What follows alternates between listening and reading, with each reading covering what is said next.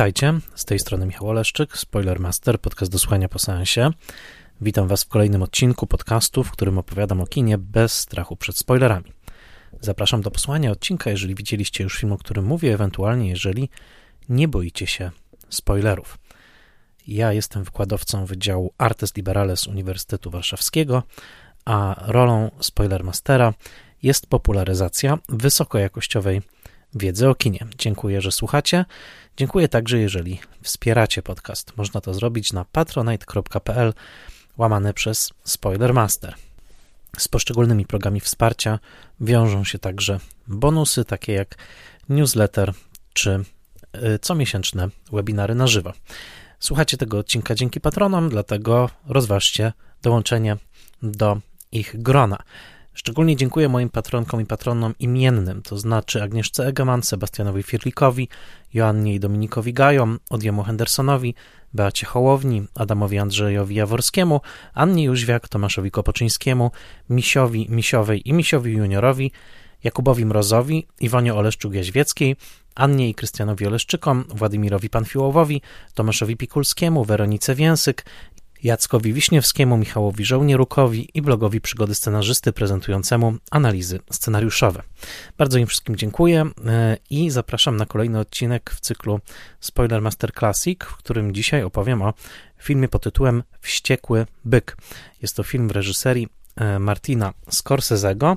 Jest to jeden z najsłynniejszych filmów bokserskich w historii kina, a jednocześnie jest to czwarta w historii współpraca Martina Scorsese z Robertem De Niro. E, po trzech filmach, to znaczy po ulicach Nędzy z 1973 roku, po taksówkarzu z 1976, o którym nagrałem oddzielny odcinek, i po New York, New York z roku 77, Wściekły byk wszedł na ekrany amerykańskich kin w listopadzie roku 1980 i można powiedzieć, że z miejsca przeszedł do legendy kina, mimo dosyć mieszanej recepcji krytycznej, dosyć szybko ustalił się mit tego filmu jako wyjątkowego filmu, być może nawet wieńczącego osiągnięcia nowego kina amerykańskiego. Rozdział amerykańskiej kinematografii, który rozpoczął się mniej więcej od Bonnie i Clyde i roku 1967, symbolicznie kończy się premierą troszeczkę późniejszą od Wściekłego Byka. W zasadzie ta premiera nastąpiła tuż po Wściekłym Byku, to znaczy premierą filmu Wrota Niebios Michaela Simino, o którym mam nadzieję nagrać kiedyś oddzielny odcinek. Ten film, e, którego ogromna klęska kasowa zakończyła w zasadzie ten rozdział, jakim był, e, było nowe amerykańskie kino, gdzie najważniejsza była wizja reżyserska, a niekoniecznie e, względy tylko finansowe y, i niekoniecznie y, takie bardzo y, matematyczne przestrzeganie reguł gatunku, wściekły byk wydaje się właściwą kodą, wydaje się właściwą kropką postawioną na mm, końcu tego długiego rozdziału w historii amerykańskiego kina i dlatego nic dziwnego, że Słynna książka o historii New American Cinema y, autorstwa Petera Biskinda, książka reporterska, y, unurzana w bardzo soczystych anegdotach, y, nazywa się Easy Riders Raging Bulls, to znaczy swobodni jeźdźcy i wściekłe byki, albowiem tak jak Easy Rider pod koniec lat 60. zwiastował właśnie narodziny tego nowego nurtu, tak właśnie wściekły byk w roku 80 zwiastuje koniec tej epoki, bardzo naładowanej kontrkulturową energią i zwiastuje nadejście epoki prezydenta Reagana i lat 80., które także w Hollywood będą o wiele bardziej konserwatywne, gatunkowe i przede wszystkim komercyjne. Wściekły byk to z pewnością film, który bardzo wiele osób kocha. Myślę, że przede wszystkim męskich widzów. Znam niewiele kobiet, które ten film lubią, ale też nic dziwnego, ponieważ jest to film o męskości, o męskości w jej bardzo wielu wymiarach. I tych e, trudnych, i tych okropnych, odrzucających, odstręczających, ale także o tych fascynujących. Jest to film zrobiony przez mężczyznę, który w momencie realizacji filmu miał 38 lat, myślę o Martinie Scorsese, e, i z główną rolą mężczyzny, który był zaledwie rok młodszy. E, był to film, w którym oni obydwaj zastanawiali się nad e, miejscem, punktem swojego życia, w którym się znajdują Powiem za chwilę więcej o pewnym kryzysie zdrowotno-egzystencjalnym, który przeszedł Martin Scorsese tuż przed realizacją Wściekłego Byka i widać w całym filmie takie zastanowienie się nad męską cielesnością przede wszystkim i nad tym, jak mężczyzna może radzić sobie z własnym ciałem, tak można powiedzieć najszerzej. Za chwilkę wprowadzę to troszeczkę yy, yy, głębiej, ten temat, ale chcę podkreślić, że mam wrażenie, że jest taki film, którym mężczyźni, wielu mężczyzn, których znam, ja zresztą też fascynują się bardzo głęboko. Jest to jeden z takich klasyków kina y, męskiego o mężczyznach, być może przede wszystkim dla mężczyzn, takiego filmu, w którym y, y, znać bardzo głębokie chwilami, może czułostkowe, chwilami sentymentalne, chwilami zbyt brutalne, ale zastanowienie się właśnie nad y, istotą męskości z punktu widzenia męskiego. To jest też bardzo, bardzo ważne. Takich filmów wbrew pozorom nie ma aż tak dużo, ponieważ wiele filmów, nawet kiedy realizowane są z męskim widzem, y, jakby jako głównym adresatem, to te filmy niekoniecznie poddają samą męskość y, refleksji i krytyce. Tutaj jest inaczej. Wściekły byk jednocześnie jest widowiskiem sportowym, jednocześnie jest widowiskiem cielesnym, w którym ciało Roberta De Niro staje się jednym z głównych tematów, ale przy okazji jest też filmem, który jako swój główny temat umieszcza właśnie, e, właśnie męskość. Celowo nie mówię o męskości toksycznej, cały czas mam problem z tym określeniem, ponieważ tak jak nie wątpię, że istnieją od, odmiany toksycznej męskości, tak wydaje mi się, że w ogóle istnieją odmiany toksycznej płciowości jako takiej i nie chcę sprowadzać tego filmu tylko do jednego prostego wytrychu, to znaczy, że jest to film o toksycznym mężczyźnie, ponieważ wydaje mi się, że to by było bardzo, bardzo duże zubożenie tematyki tego filmu e, i o tym także za chwilę. Dzisiaj opowiem Wam o kulisach tworzenia tego filmu, spróbuję go także zinterpretować y, i opowiem, gdzie możecie też znaleźć więcej informacji o nim, bo nie ukrywam, mm, jest to film bardzo gęsty, bardzo erudycyjny, także pod względem filmowym. Martin Scorsese tutaj pokazuje pełną taką gamę i środków filmowych zastosowanych, i odniesień filmowych do wcześniejszych dokonań kina, przede wszystkim kina klasy B, ale także do kina bokserskiego jako takiego. Raging Bull, czyli dosłownie właśnie wściekły byk, to jest film, który można oglądać wiele, wiele razy, przede wszystkim właśnie e, przez to, jak e, złożonym jest komunikatem. Jest to film o niebywałej fakturze obrazu, czarno-białego, z kilkoma wyjątkami, o bardzo gęstym montażu. Telmy Schoonmaker, nagrodzonym zresztą Oscarem.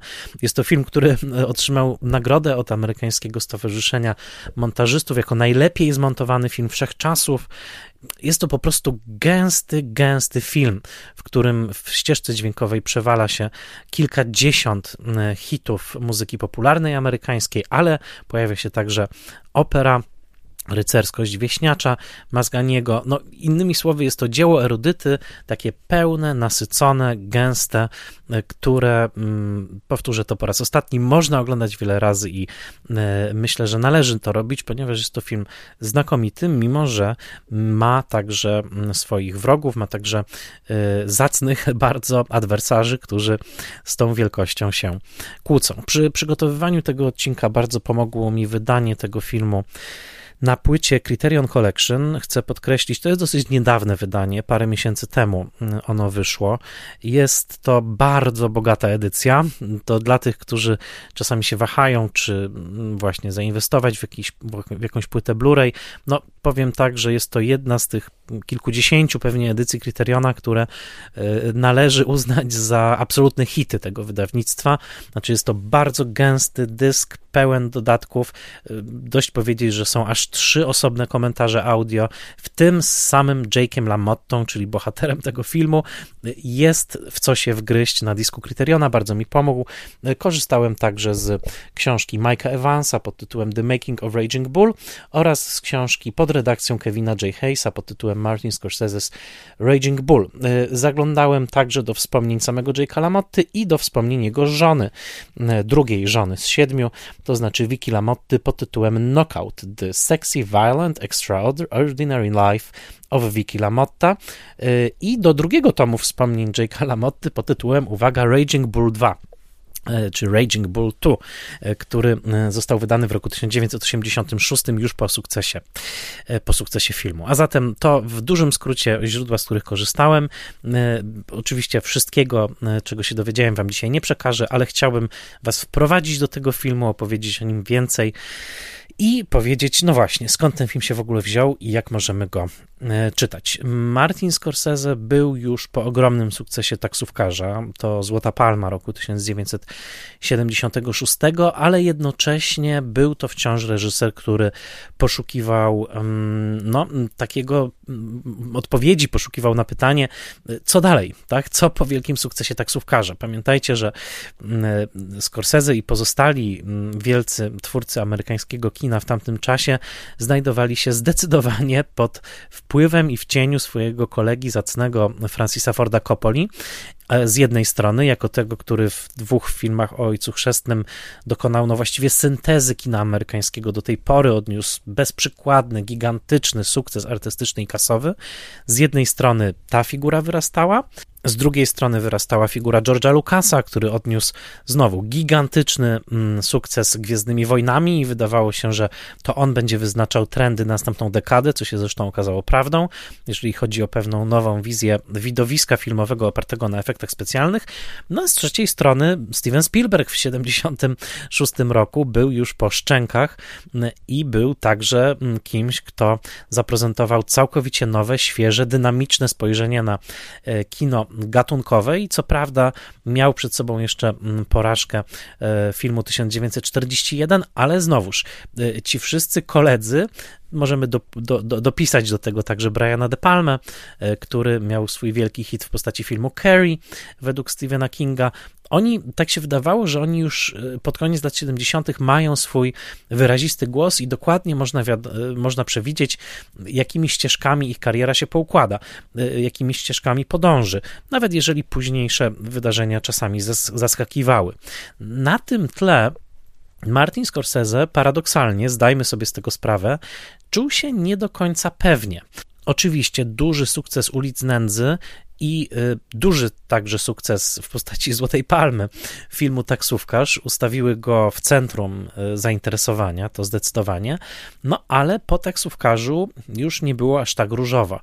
Porażka kasowa i po części także artystyczna musicalu New York, New York także z De Niro i z Lizą Minelli, e, postawiła pod znakiem zapytania to, czy można w ogóle Scorsese'emu powierzać duże budżety, a chwilowe schronienie się w kinie dokumentalnym, kiedy to nakręcił znakomity zresztą ostatni walc o ostatnim koncercie e, zespołu The Band, kazało zapytać, czy Scorsese rzeczywiście będzie czuł się najlepiej w kinie fabularnym, a może jest to z temperamentu dokumentalista, miał już wtedy zresztą dużo wybitnych krótkich filmów dokumentalnych na koncie. Y, także sukces filmu Alicja już tu nie mieszka, trochę wcześniejszy, co prawda z Oscarową rolą Ellen Bernstein, ale jednak kazał wciąż pytać, no dobrze, gdzie jest ten prawdziwy Scorsese? Czy on jest bliżej tego kina kobiecego, jakim jest Alicja już tu nie mieszka, czy bardziej właśnie y, jego twórczość dalsza podąży tą drogą współpracy z De Niro i odkrywania mrocznych zakamarków ludzkiej duszy?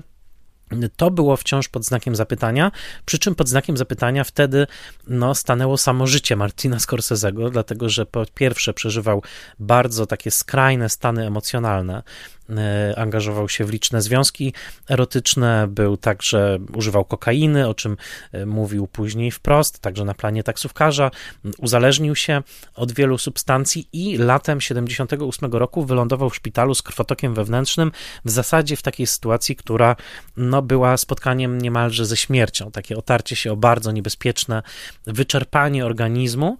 E, Scorsese przeżył lata 70. bardzo intensywnie, nadrabiając trochę, można powiedzieć, e, ten czas, kiedy był grzecznym katolickim chłopcem jeszcze w małej Italii włoskiej e, lat 40. i 50., kiedy to planował być księdzem, był astmatykiem i głównie no, przyglądał się z okien życiu mocniejszych kolegów, którzy byli gangsterami albo krążyli wokół mafii. No, Martin Scorsese, kiedy tylko wiatr uderzył w żagle, no to Martin Scorsese poszedł w taki można powiedzieć, taniec, i lata 70. były dla niego bardzo intensywnym, takim zmysłowym, też wyczerpującym dla jego organizmu czasem. I jeżeli chodzi o wściekłego byka, to był to projekt, który narodził się w głowie Roberta De Niro. E, De Niro przeczytał wspomnienia Jake'a LaMotty, czyli e, mistrza wagi średniej w boksie e, pomiędzy rokiem 49 a 51. Te wspomnienia wyszły w roku 1970 jako książka Raging Bull My Story, napisana tak naprawdę przez Josepha Cartera z udziałem Petera Savage'a Pierwszy był bardziej szacownym pisarzem, drugi był kolegą Lamotty. Na podstawie jego wspomnień ta książka wyszła i na planie Ojca Chrzestnego 2, gdzie, jak pamiętamy, Robert De Niro grał Vita Corleone, młodego, De Niro zaczytywał się tymi wspomnieniami. E, właśnie uznał, że ta książka, w której Jake LaMotta opowiada o swoich grzechach, o swoich zwycięstwach, e, o swoich zbrodniach także, na stronach tej powieści przyznaje się między innymi do gwałtu, do pobić, e, opowiada o swoim czasie w Poprawczaku, e, pisze także o mm, morderstwie, który, o którym był przekonany, że popełnił je przez bardzo, bardzo wiele lat, później dowiedział się, że ofiara jednak żyje. Tak czy inaczej, no, ta książka ukazująca takiego bohatera, którego nie da się lubić w pewnym sensie, bohatera brutalnego, wyrastającego z klasy robotniczej e, manhattańskiego Lower East Side, a później Bronxu, że w tym właśnie w tej postaci Robert De Niro, zgodnie z duchem czasu, zgodnie z duchem lat 70., odnalazł idealnego antybohatera. Takiego właśnie mężczyznę, którego będziemy kochać, nienawidzić, ale który jednocześnie stanie się jakimś symbolem w ogóle kondycji ludzkiej, być może zawieszenia pomiędzy taką zwierzęcością ludzkiej natury, odsyłam do tytułu Wściekły Byk, a dążeniem do doskonałości, no bo jednak y, Lamotta był mistrzem boksu, y, w czym także pomagała mu budowa jego ciała, bardzo gruba czaszka y, i odporność na ciosy, ponieważ Lamotta często powtarzał, że ciosy go zupełnie e, nie dotykają w pewnym sensie, nie, nie, nie, nie przejmuje się tym fizycznym bólem, tylko skupia się na tym, żeby zadać ten ból przeci przeciwnikowi. E, I z jednej strony wydaje się to zgodne z duchem czasu, ponieważ lata 70. należą do takich antybohaterów w kinie amerykańskim. No, powiedzmy o Bonnie i Clyde, prawda? Clyde Barrow też nie był zbyt sympatycznym człowiekiem, był mordercą, złodziejem e, i, i dosyć brutalnym, z tego co wiemy. Odsyłam do odcinka zresztą o Bonnie i Clyde gościem. No ale mm, lata 60., końcówka 70. poszukiwały także w duchu kontrkultury takich bohaterów mniej konwencjonalnych. No nie wspomnę nawet o Vito Corleone i o Michaelu Corleone. A zatem to Robert De Niro mm, sobie taki punkt honoru postawił, żeby wystąpić jako Jake, Jake LaMotta i zaczął namawiać wtedy Scorsese'ego, przy czym Scorsese nie był tym zainteresowany z jednego bardzo ważnego powodu, o którym warto pamiętać, ilekroć mówimy o Wściekłym Byku jako o tym najlepszym filmie bokserskim, e, filmie, w którym boks jest pokazany w sposób absolutnie genialny, wizualnie, audialnie, to wszystko prawda, jeszcze o tym powiem. Warto pamiętać o jednym, mianowicie Martina Scorsese boks w zasadzie nic nie obchodził. To znaczy on nie był fanem boksu, nie był fanem sportu. Przypominam, był tym astmatycznym chłopcem, który z nosem przyklejonym do szyby patrzył, jak inni chłopcy bawią się na podwórku w Little Italy i ewentualnie jak są werbowani przez gangsterów. To później znajdzie echo także w filmie Chłopcy z Ferajny jak długo pamiętam, tylko chciałem być gangsterem, prawda? Y, więc Scorsese mówił wprost, sport mnie w ogóle nie interesował, jeżeli tylko się pojawiała piłka, to on odchodził. Jego interesowało kino przede wszystkim, y, religia, ponieważ chciał być księdzem i boks nie był dla niego ciekawy, więc w momencie, kiedy De Niro do niego przyszedł z tym materiałem, no to on mógł wzruszyć ramionami, powiedział, no słuchaj, to, to chyba nie jest dla mnie. Y, ale no właśnie, coś ciekawego się wydarzyło. W połowie dekady, konkretnie w 1976 roku, na ekrany wchodzi film Rocky Johna G. Avildsen, wyprodukowany co istotne w naszym kontekście, przez Roberto Czartofa i Irwina Winklera. E, to był ogromny hit, także Oscarowy. Zresztą Rocky pokonał taksówkarza w wyścigu Oscarowym. E, no i chyba nie muszę mówić, jak wielką gwiazdą stał się Sylvester Stallone w tej opowieści o bokserze z Filadelfii, o bokserze o złotym sercu. E, zresztą pięknie zinterpretowanym na polskim plakacie tego filmu, w którym dwie bokserskie rękawice właśnie splatają się w mięsień sercowy. E, I ten sukces filmu bokserskiego, bo oczywiście historia bokserskiego kina jest długa, ale właśnie ten sukces Rockiego w połowie lat 70. sprawił, że dystrybutorzy byli coraz to bardziej zachęceni i zainteresowani kolejną opowiedzią, opowieścią o boksie, co zaowocuje między innymi oczywiście kontynuacjami Rockiego. Ale e, producenci właśnie Rockiego, czyli Robert Chartow i Irwin Winkler, uznali, że to jest dobry czas, żeby inwestować w kino bokserskie.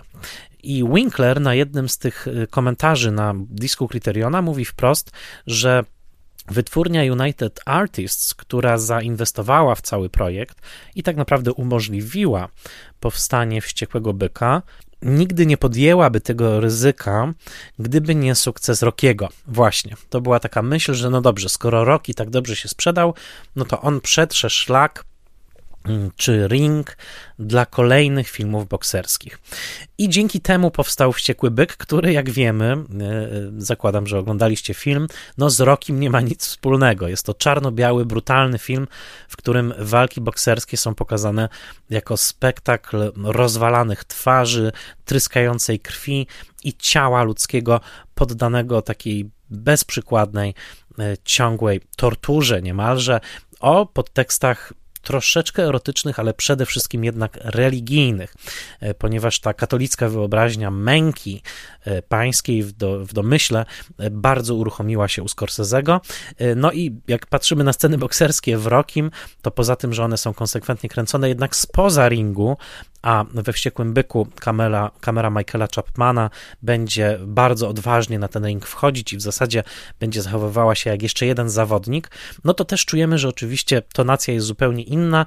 U Scorsese'ego te obrazy e, rozwalanych twarzy, pękających nosów są często w zwolnionym tempie, e, taką odmianą sztuki religijnej niemalże, sięgającą jeszcze korzeniami do e, przedstawień średniowiecznych, pewnie do takich właśnie bardzo, bardzo cielesnych portretów mm, męki, po prostu fizycznej, fizycznej męki. Ale United Artists się zdecydowało i dzięki temu ten film, ten film powstał, a ponieważ mieli tak dużo problemów z Michaelem Cimino i jego Wrotami Niebios, o czym już wspomniałem, byli tak zaabsorbowani tamtą produkcją, która całkowicie wymknęła się spod kontroli, no to też Winkler i Chartow i Scorsese dzięki temu mieli ogromną wolność przy Wściekłym Byku, ponieważ mówiąc krótko, nikt im się nie wtrącał, a nawet kiedy powstały pewne budżetowe przekroczenia, to United Artists przygnę, przy, przy, przymknęło na to oko, ponieważ te przekroczenia w porównaniu z przekroczeniami budżetu Wrót Niebios e, to były, że tak powiem, przysłowiowe e, waciki, by zacytować film Killer. E, swoją drogą film Killer, w którym jest nawiązanie do taksówkarza Scorsese'ego.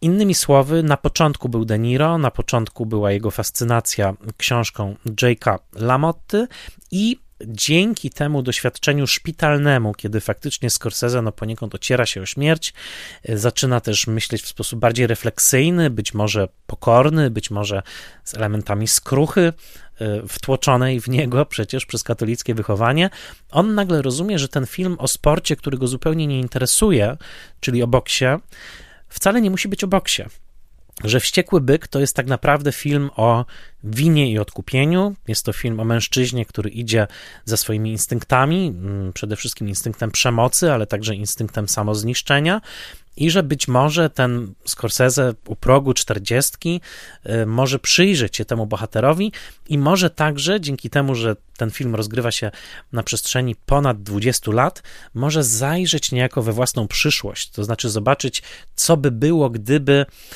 y, właśnie, gdyby także sam Scorsese podążał cały czas tą samą drogą, to znaczy, jeżeli nic się nie zmieni, jeżeli ja nie zmienię swojego postępowania, to kim się stanę?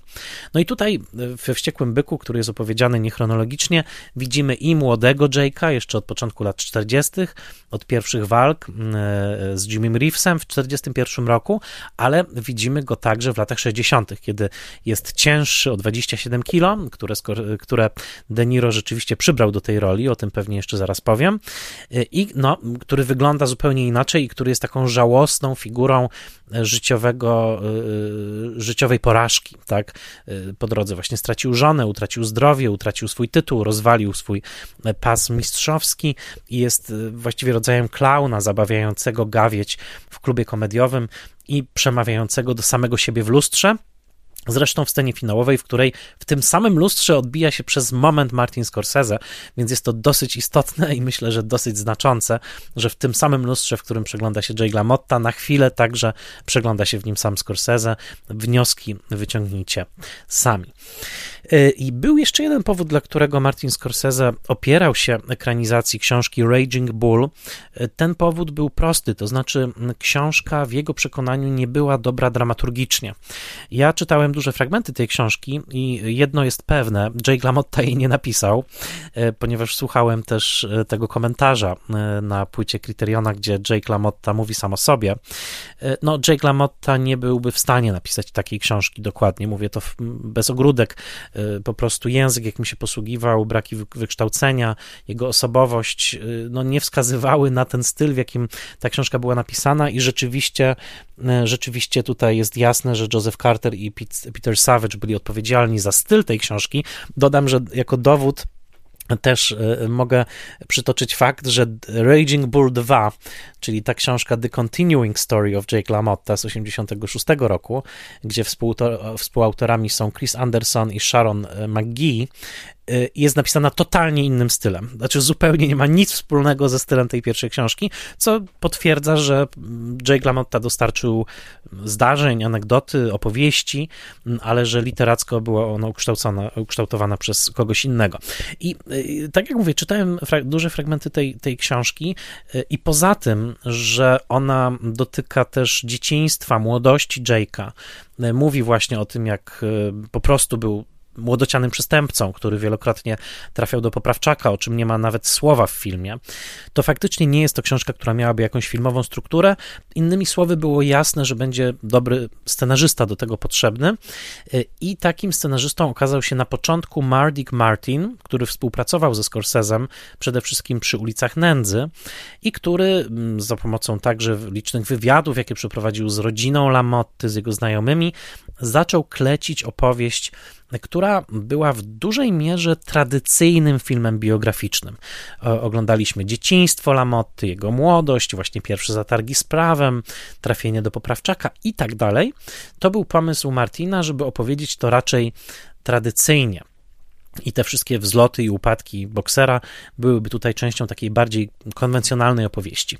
Ale ponieważ ten scenariusz nie spodobał się w zasadzie nikomu, to znaczy ani De Niro, ani Scorsese'emu, ani producentom, przekazali oni tekst w ręce, uwaga, Paula Schroedera, czyli scenarzysty taksówkarza, oczywiście, tak, który przyniósł do tego tekstu swoje religijne zagwostki. Pamiętajcie, że Scorsese był udręczonym katolikiem, a Paul Schroeder był udręczonym Kalwinem, e, któremu e, zabraniano w zasadzie chyba wszelkich przyjemności, e, a już zwłaszcza kina jako takiego, które poznał dopiero jako prawie dwudziestolatek.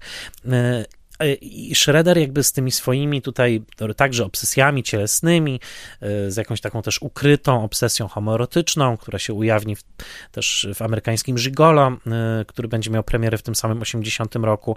No innymi słowy, ze swoim zestawem tematów i problemów Paul Schroeder przeredagował cały tekst, w zasadzie go przepisał i przede wszystkim dodał bardzo ważny wątek, mianowicie dodał wątek brata Jake'a LaMotty.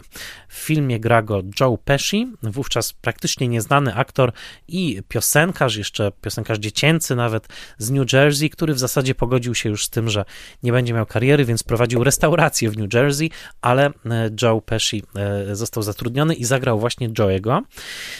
Joey LaMotta jest rodzajem agenta swojego brata, to znaczy jest bardziej wygadany niż Jake i tworzą razem taki duet, w którym właśnie Jake to pięści, a Joey to usta.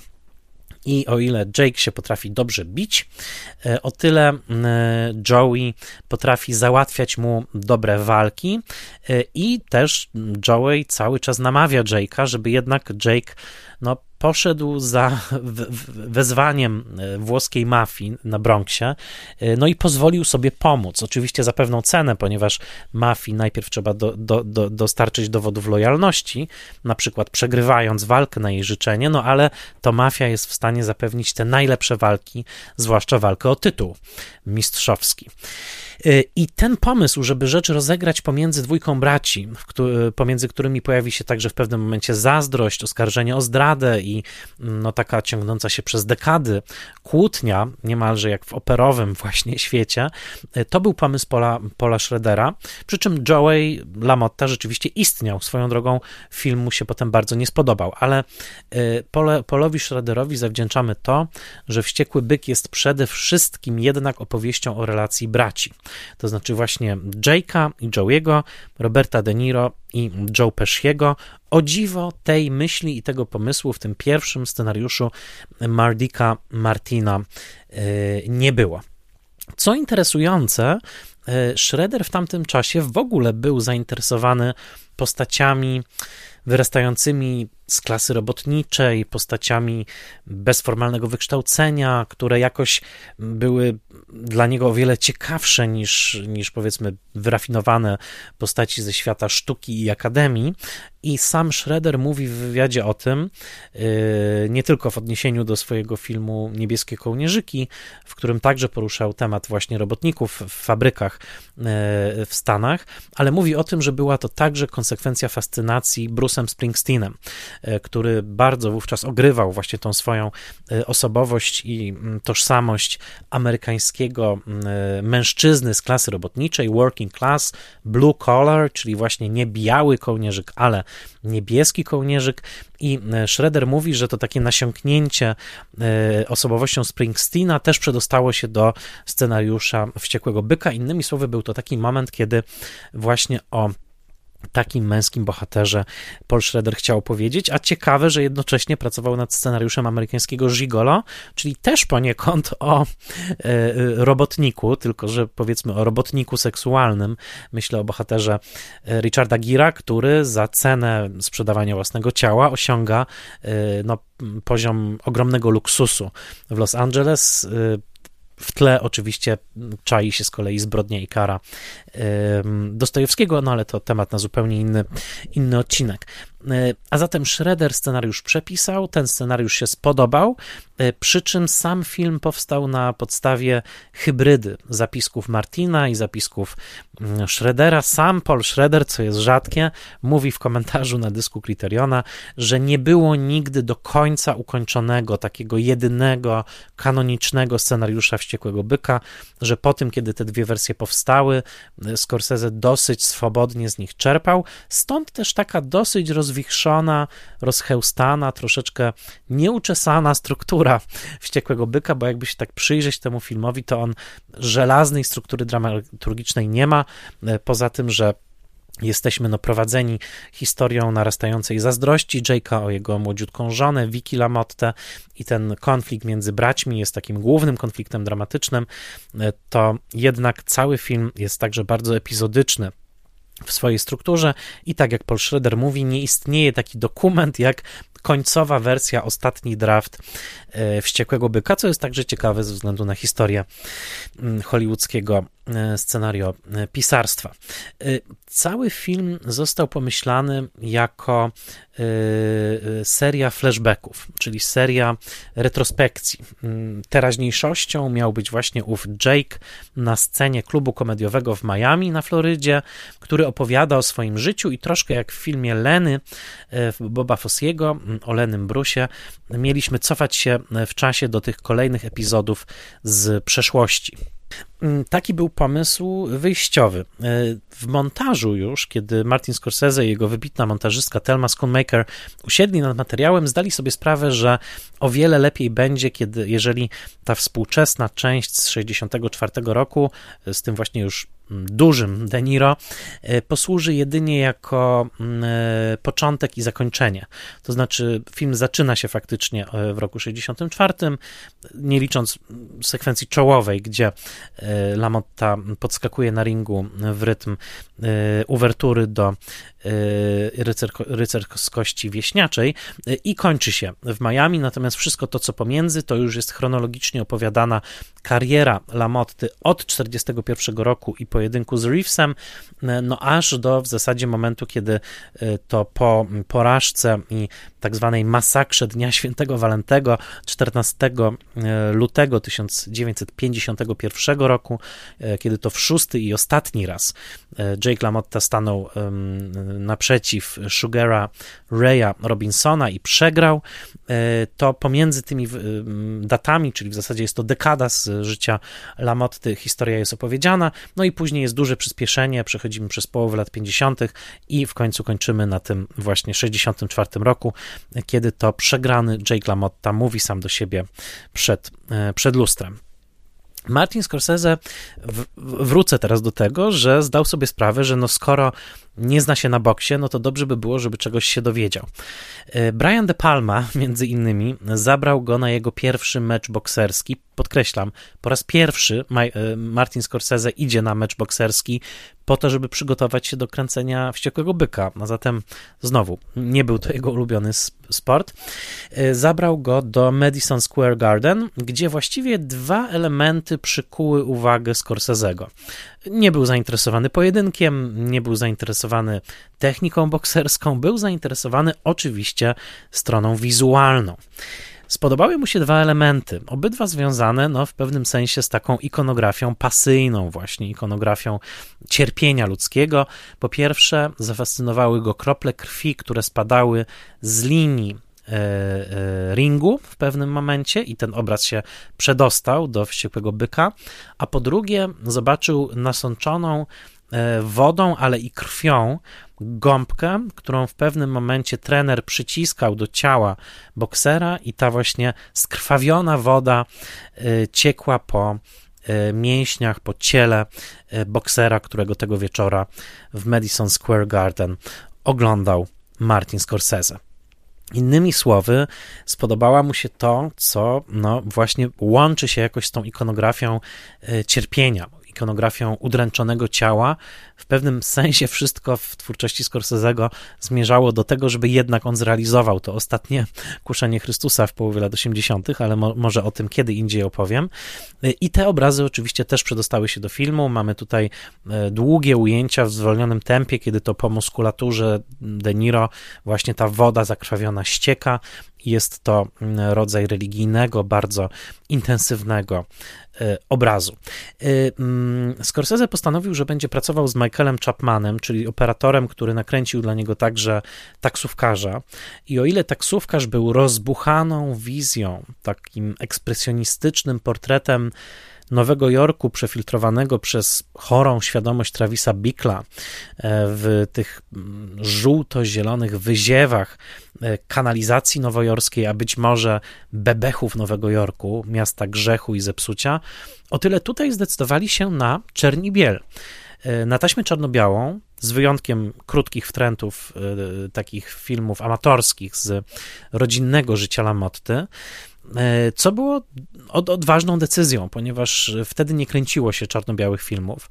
E, ostatnim czarno-białym filmem był e, takim dużym sukcesem. Był Manhattan Woody'ego Allena z 1979 roku, nakręcony na szerokiej czarno-białej taśmie przez Gordona Willisa, ale ogólnie nie był to popularny wybór. Zdecydowali się jednak na to, naśladując nawet nie tyle styl filmu noir, e, co konkretnie fotografie reporterskie takiego słynnego reportera zbrodni nowojorskiej i nowojorskiej ulicy Ouijiego, który słynął w latach przede wszystkim 40. z takich bardzo brutalnych, kontrastowych, czarno-białych zdjęć ukazujących no głównie przemoc na ulicy Nowojorskiej, zakrwawione chodniki, mafiozów e, unikających uwagi aparatu, wchodzących do jakichś podejrzanych lokali, e, policjantów i flesze oczywiście reporterów, których także Ouija chwytał w swoim obiektywie. I ten styl Ouijiego, właśnie kontrastowy, surowy, szorstki, przedostał się do Wściekłego Byka, no i trzeba powiedzieć, że zdjęcia Michaela Chapmana są absolutnie wybitne. To jedna z tych kategorii, w których w sposób zadziwiający Chapman Oscara nie otrzymał za najlepsze zdjęcia. Przy czym oczywiście bardzo lubię piękne zdjęcia Jeffrey'a Answortha i pośmiertnie uhoronowanego y, Glisiana Kloketa do filmu Tess Polańskiego, ale jednak w tamtym roku powinien był wygrać Wściekły Byk. Te zdjęcia są integralną częścią y, wielkości tego filmu y, i Scorsese bardzo musiał się dobrze porozumieć z Chapmanem, ponieważ od początku wiedzieli, że sceny bokserskie w tym filmie będą kręcone w sposób nowatorski, to znaczy każda scena będzie kręcona w zasadzie inaczej. Tych pojedynków jest tutaj dużo, bo dostajemy i walkę z Reevesem, i kolejne walki z Sugarem Rayem Robinsonem. W rzeczywistości tych walk Lamotta stoczył z nim aż sześć, mm, ale także walka o tytuł mistrzowski z Marcelem Sedranem, francuskim e, pięściarzem, e, i e, walka z Billym Foxem, w którym mm, Jake Lamotta na życzenie mafii przegrywa w sposób dosyć ostentacyjny. Innymi słowy, każda z tych walk i wszystkie pozostałe e, w umyśle Scorsese'ego i także dzięki współpracy Chapmana miały dyskretnie inny wygląd. No, jak przyjrzycie się, to każda z nich wygląda troszeczkę inaczej. Przy czym nie chodzi tylko o technikę filmowania, bo chwilami jest ewidentne, że Chapman na przykład zmienia klatkarz filmowania.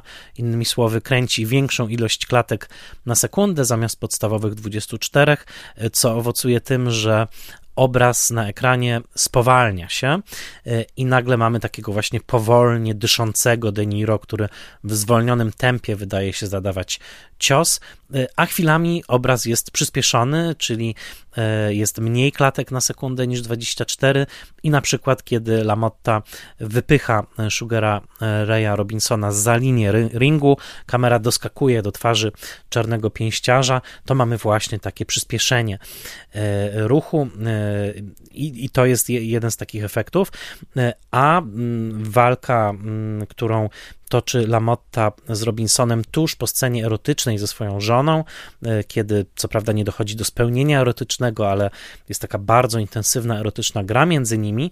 Ta scena jest sfilmowana w taki sposób, że obraz drży od gorąca. E, Chapman używał e, miotaczy ognia na planie, podgrzewał powietrze, stosował długie obiektywy, innymi słowy, filmował z dużej odległości, po to, żeby zasugerować takie właśnie drżenie, dyszenie, tak jakby ciała zawodników wydawały taki swój własny żar, jakby cała, cały ring był podgrzany. To też jest kolejny taki taki efekt.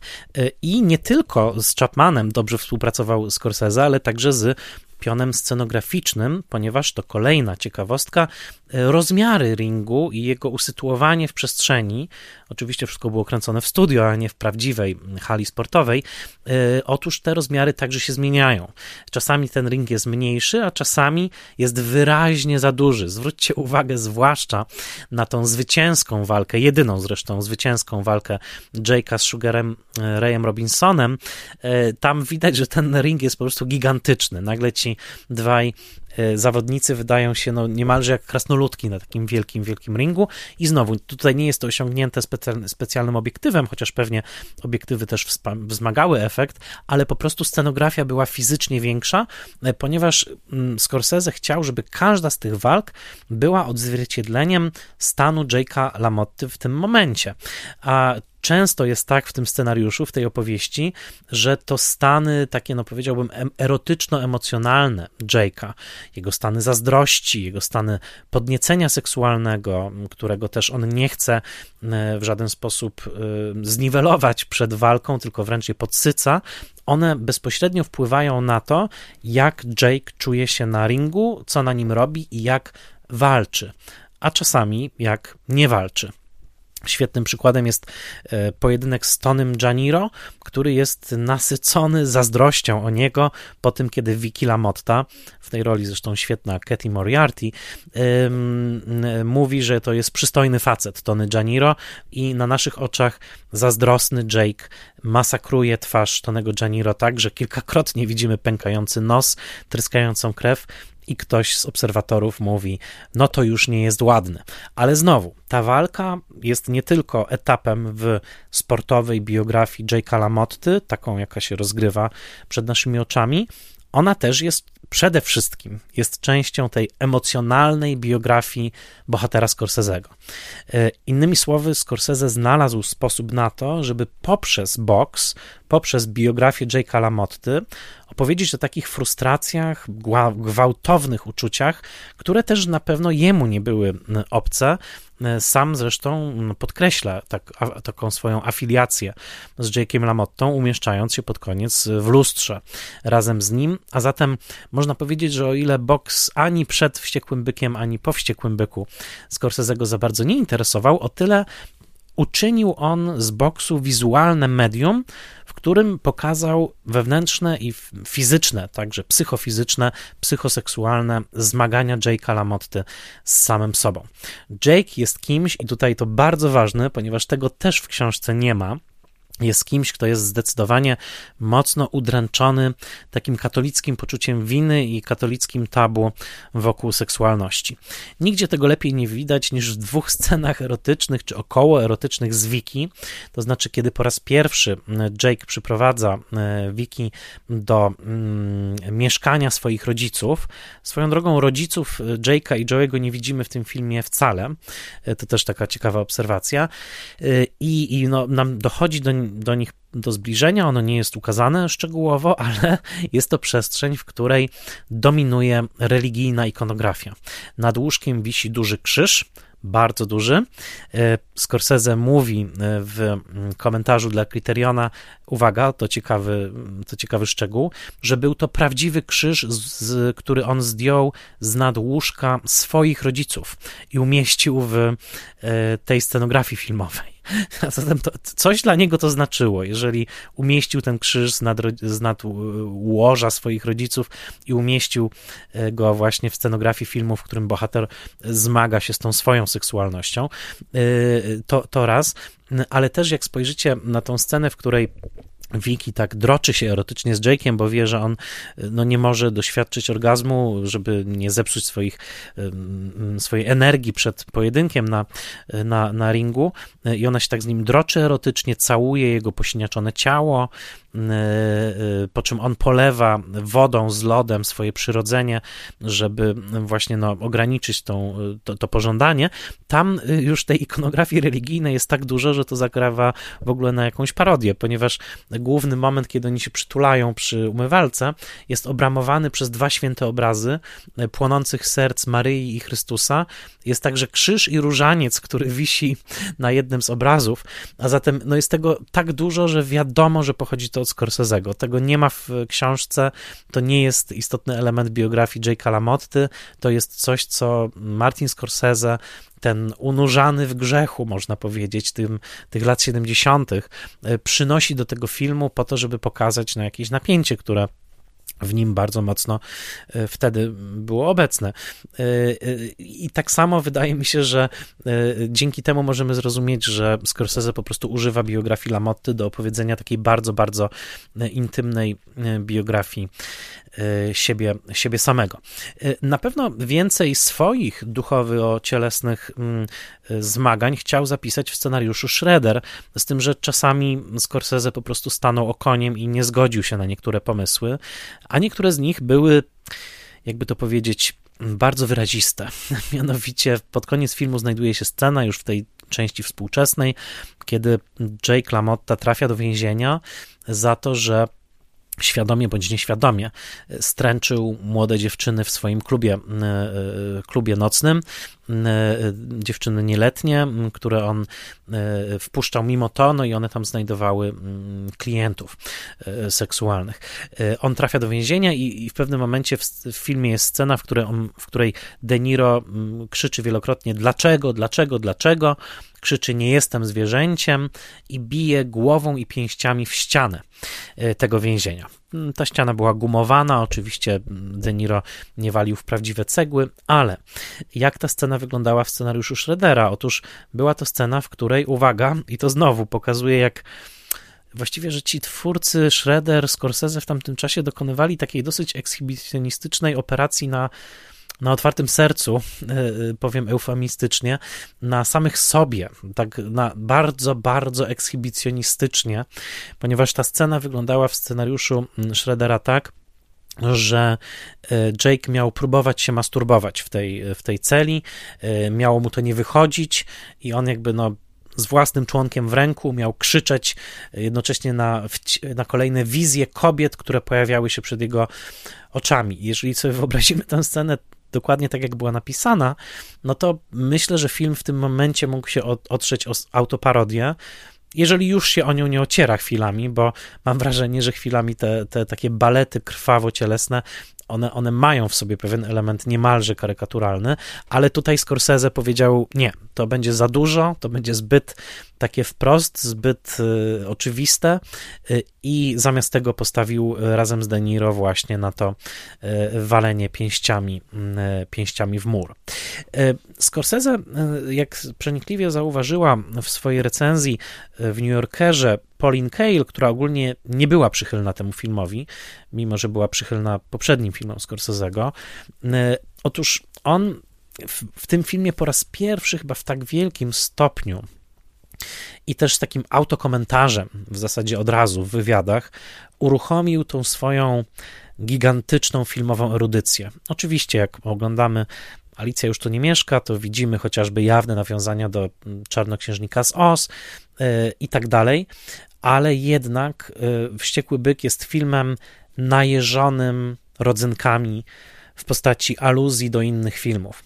E, Pauline Kael przenikliwie zauważyła, że Wściekły Byk w zasadzie nie jest filmem o Jake'u LaMotcie e, i poza tym, że jest oczywiście filmem o Scorsese'em, to jest też taką biografią gatunku filmu bokserskiego, ponieważ odnajdziemy tutaj i nawiązania do Nocy i Miasta e, Jules Dassena i do filmu Siła Zła, Force of Evil, słynnego filmu także o braterskiej relacji w cieniu boksu i mafii, który zrobił Abraham Poloński i do mm, zmowy The Setup e, Roberta Weissa z 1949 roku.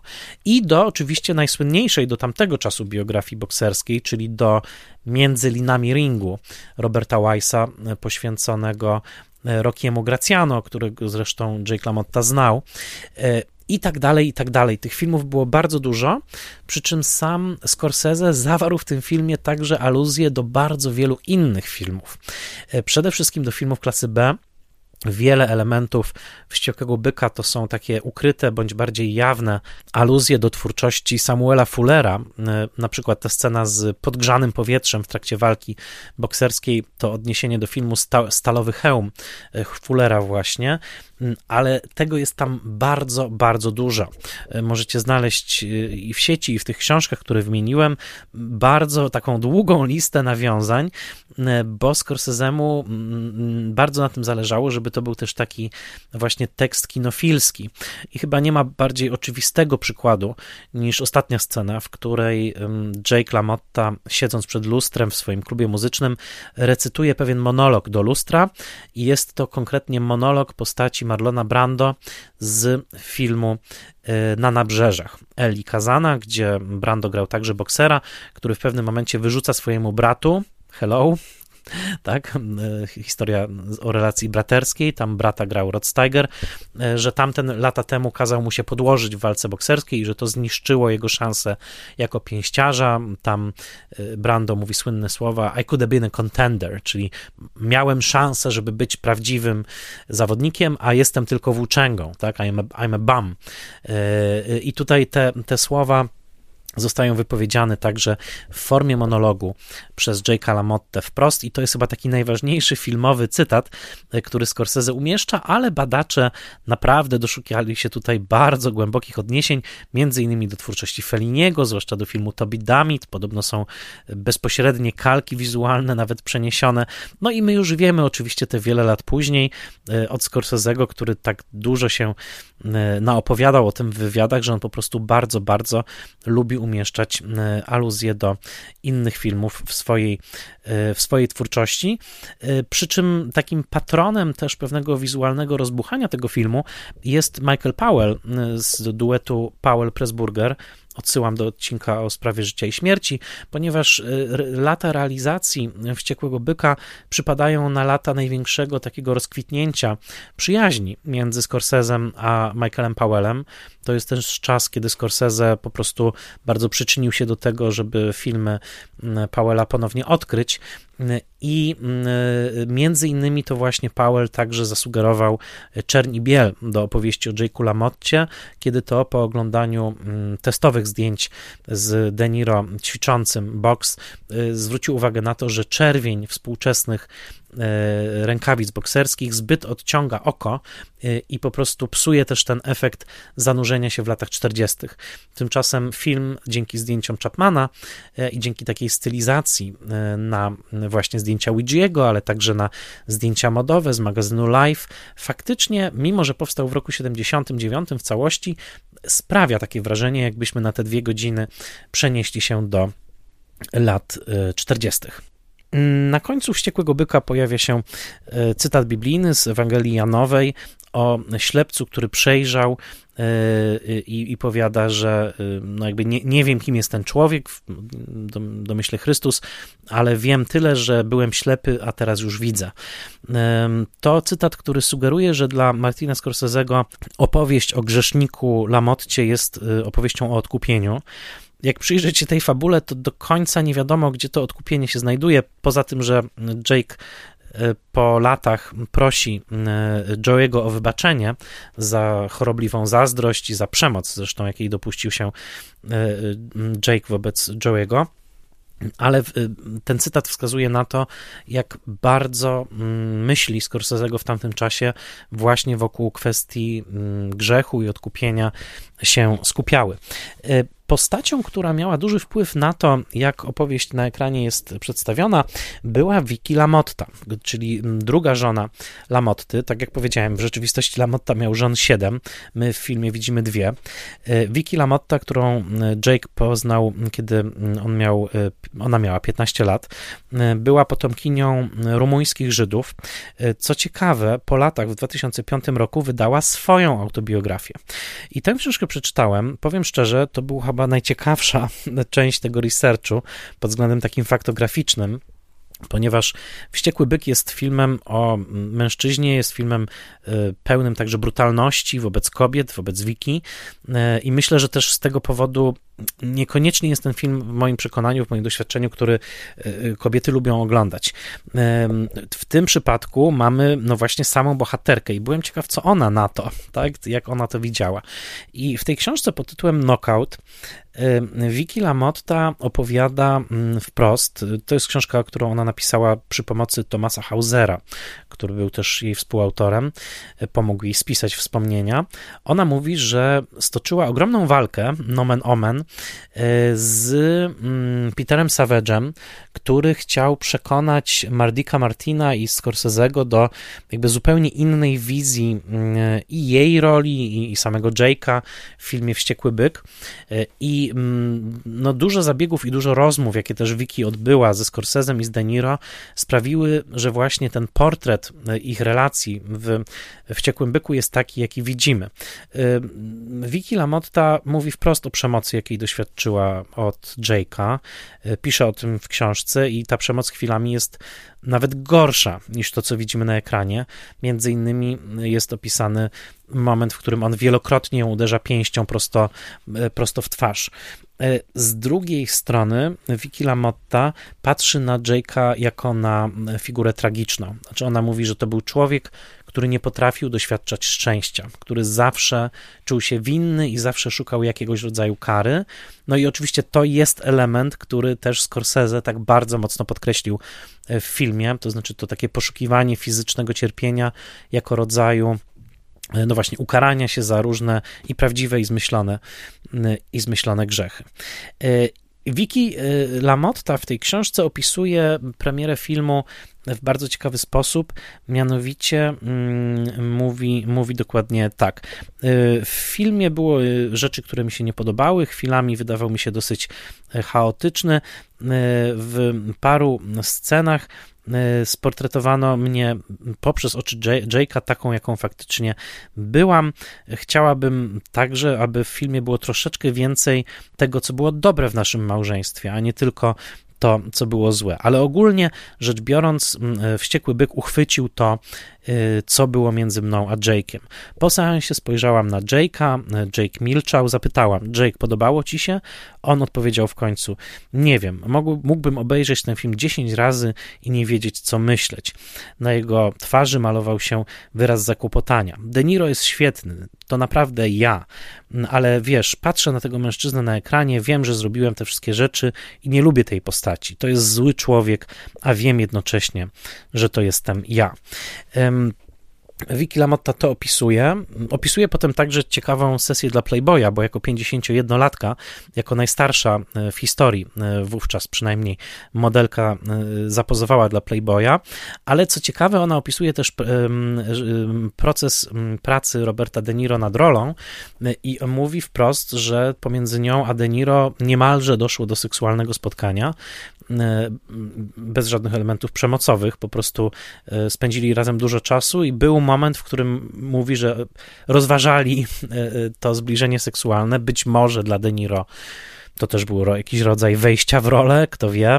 Natomiast ona mówi, że koniec końców do tego nie doszło i że cieszy się, że do tego nie doszło, bo dzięki temu ta ich relacja pozostała przyjacielska, ale mówi, że jakby odnalazła Jake'a też w De Niro, to znaczy, że on tak coś przejął od niego, że w trakcie tych przygotowań ona odczuła także tą chemię erotyczną, jaką wcześniej czuła wobec Jake'a. To też ciekawe i w ogóle w całej książce jest bardzo dużo ciekawych anegdot, a zatem ją polecam. Przy czym w tej książce pod tytułem Raging Bull 2 E, czyli The Continuing Story of Jake LaMotta, e, jest napisane mm, z takim przekąsem, że mm, film Raging Bull e, to jest takie wielkie zwycięstwo Wiki, która przekonała wszystkich do swojej wersji, tak? Więc jakby no zostawiam was z tymi dwiema książkami. Jeżeli chcecie w nie wczytać, to, to możecie. No mnie się Wiki wydaje bardziej wiarygodną narratorką e, niż, niż Jake, e, ale to no, no, no tak czy siak odnotowuje tę e, odnotowuje tę rozbieżność.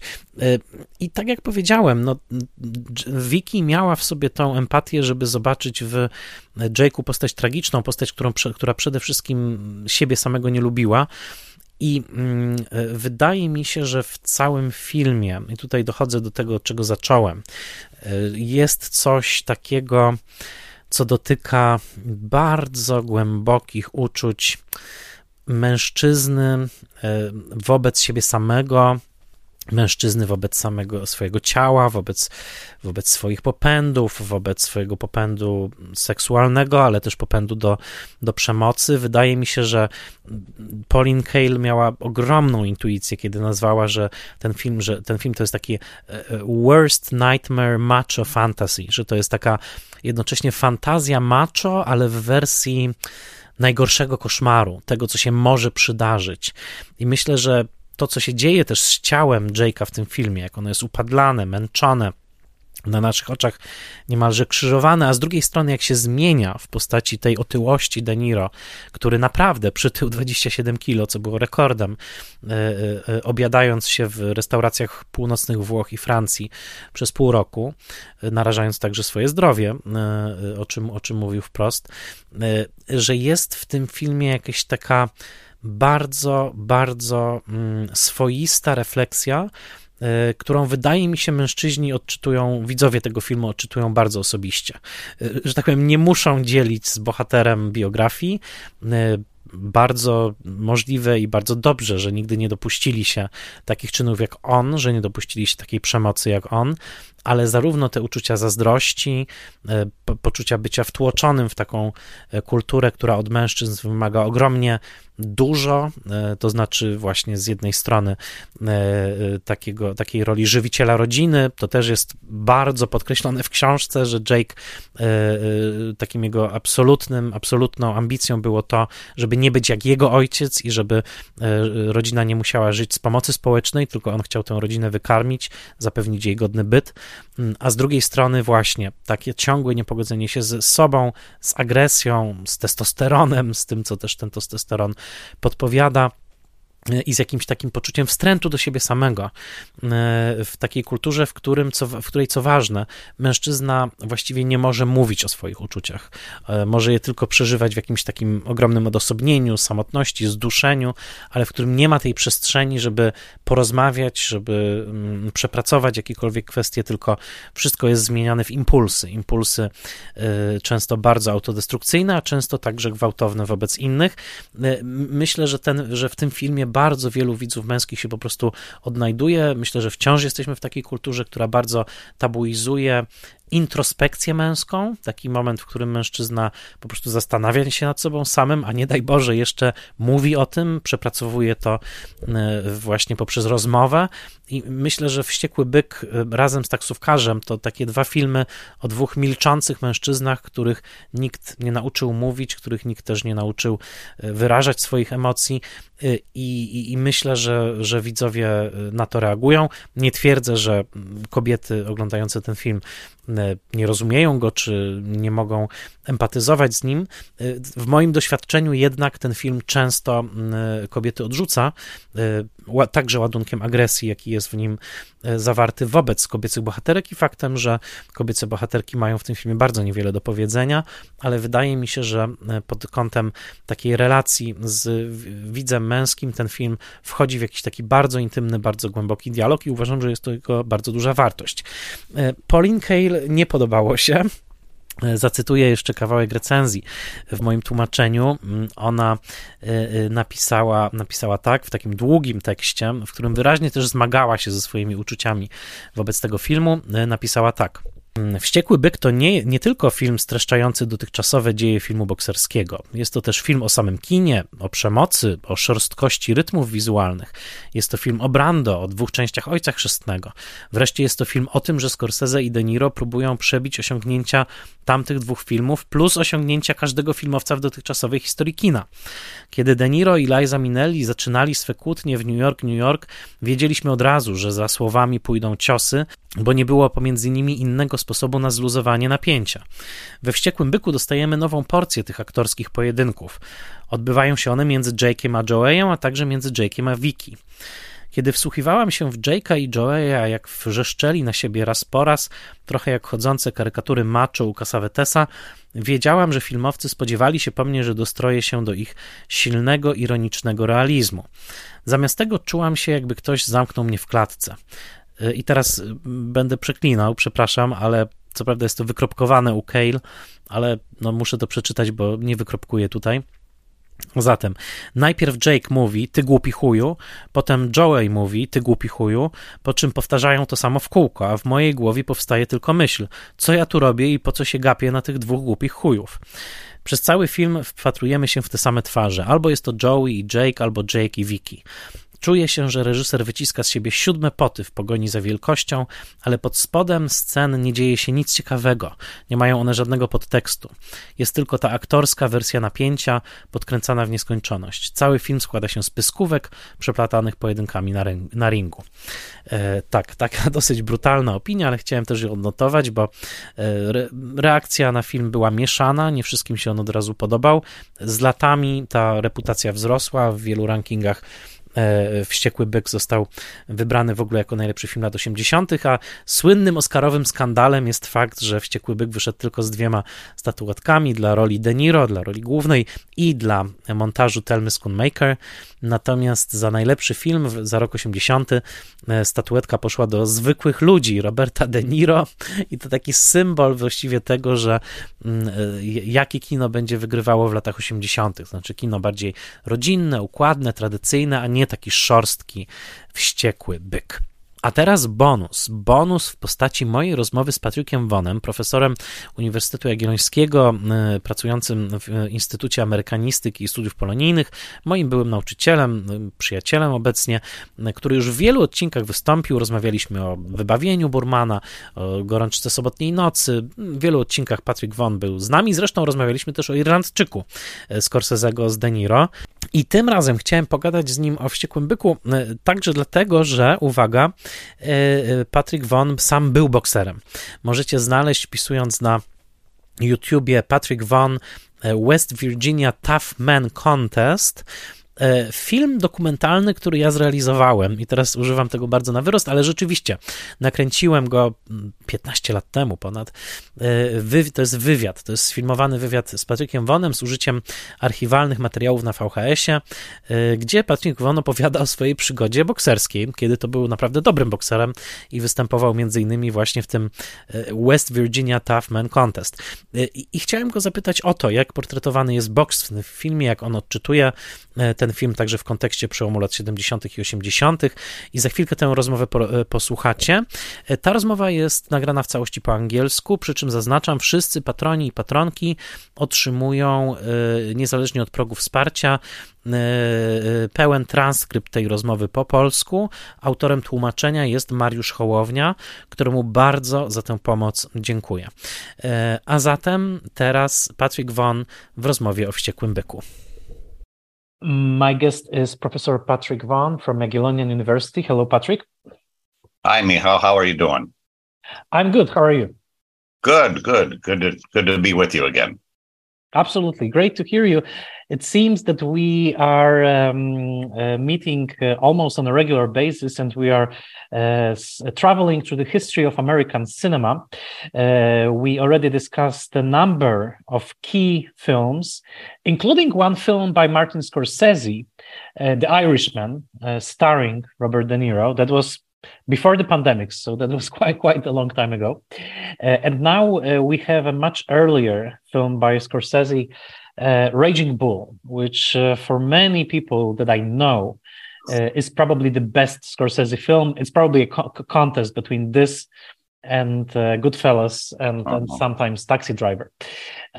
But today i really would like to focus on the film but also on the character of jake lamara and on the portrayal of boxing because I know that you're you're a fan of sports, you're very uh, knowledgeable about sports, but also you boxed and and you have your own your, your own experience of it. So uh, maybe let's start by just looking at the film. It's uh, 43 years since it's since it's open.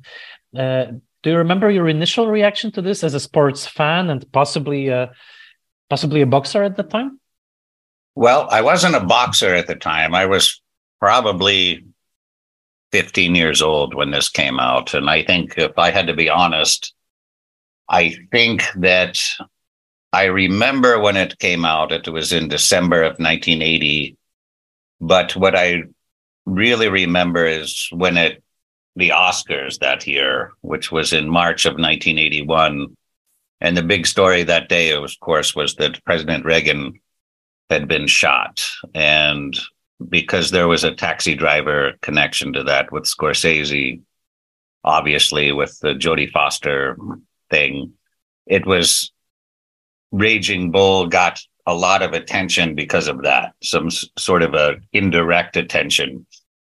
And De Niro got Best Actor, and I can't remember it. Moriarty got Best Supporting Actress she was nominated, but the film lost to Ordinary People, which for yeah. many people were was was uh, pretty shocking. That uh, you know this much milder uh, film yeah. actually won. But if I have to be honest, and I I I I must be honest with you because you're an honest film critic. Um, when I first watched it, it was probably on something called Star Channel, which I think was a predecessor of HBO. And in those days, and this is before the VCR, so it was important um, new development that you could watch feature films on your television set at home. And I remember I was probably 10 years old. And the feature films that came into my house, and remember, I'm 10 years old, were things like Death Wish with Charles Bronson, a vigilante film, uh, Chinatown, the Polanski film. And one of the ones that I remember watching in summer when probably I shouldn't have been watching it, but was Taxi Driver. And Taxi Driver was hard for me to watch when I was 10 years old uh, at home on the sort of an HBO. You know, it came.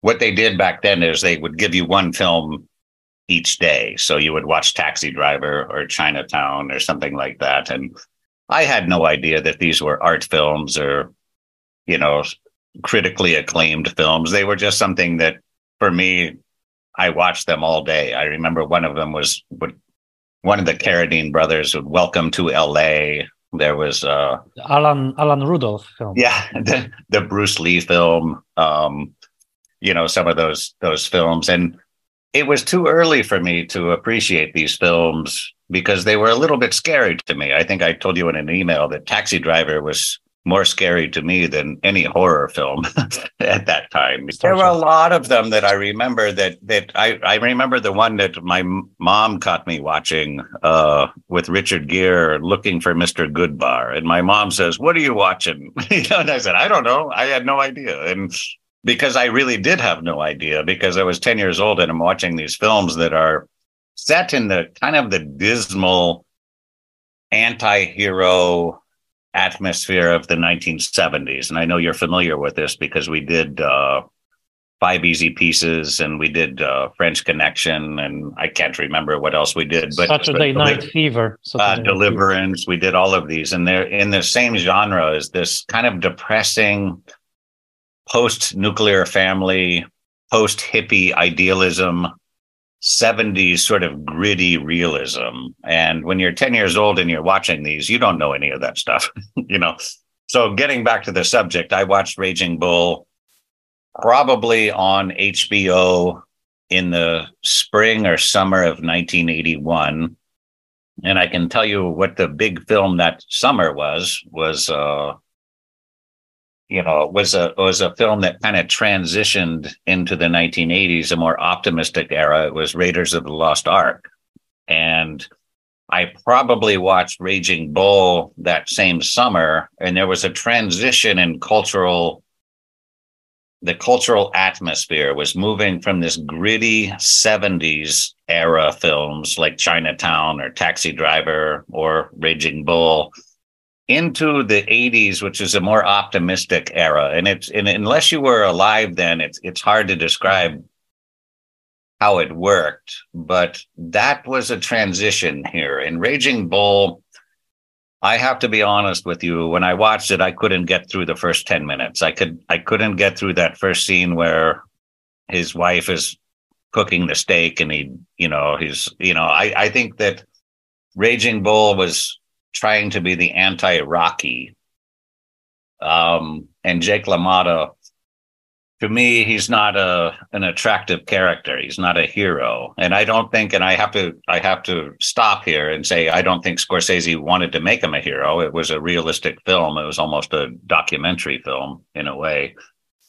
But Rocky, you know, Rocky Balboa, which won the Oscar in 1976, Rocky Balboa was a very affectionate character in the opening scene. You know, he's trying to tell the kids to get their life in order, and and and he's kind of a, a, a you know, he's kind of the kind of requiem for a heavyweight, like the Rod Serling film. He's kind of a dopey guy, but with a big heart.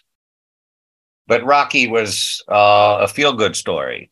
You know, it was a deliberate story to talk about an underdog uh, who got his locker taken away um, he's an ethnic story from Philadelphia, the Italian stallion, and and Rocky makes something of his life. He's he's improving his life. You know, Rocky is a, a story about a guy who can't run in the morning and he's kind of washed up and he's he's kind of a loser, but he he starts to make himself better to the point where he gets a shot at the heavyweight championship of the world and he almost wins, but he doesn't quite win, which is what makes Rocky a great film because he doesn't win. You know, he's a he's kind of a loser, but he almost wins. But it's a love story.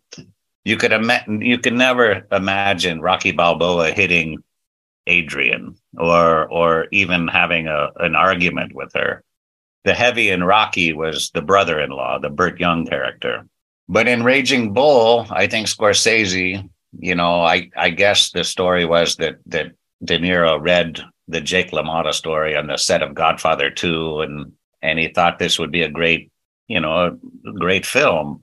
I'm not sure it is a great film, and I have to I have to kind of disagree with a lot of film critics, and I I'm not sure that it's a great film. I think it's a unique film for the time.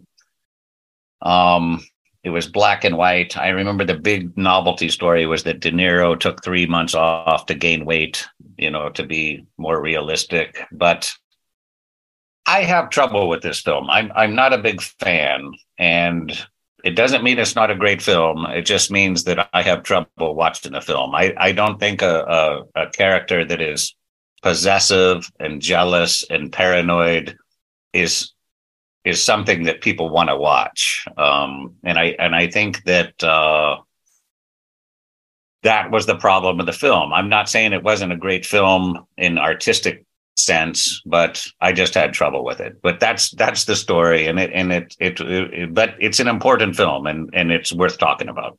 Mm-hmm. Uh, yeah, I I agree. I, I was always mixed on the film, although I think it's quite a technical feat and. Uh, Pauline Kael, by the way, didn't like the movie. I just sent you the link to her to her pretty lengthy review. Actually, she wrote she wrote a lo- long review of it in the New Yorker. Uh, she didn't she didn't like it.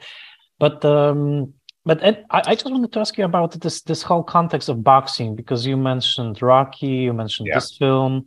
Uh, probably you know we can go all the way to the 1930s and films like The Champ with uh, with uh, uh-huh. Wallace Beery. What was the place of uh, of boxing in in American culture when you were growing up? Like, was this a sport that was heavily covered? uh, in, in in the media? Was was it something that was you know nationally discussed? Um, what what was the the sort of place of of boxing in in in, in the world of your well, youth and the, the, and the world in which also Scorsese earlier on uh, grew grew up?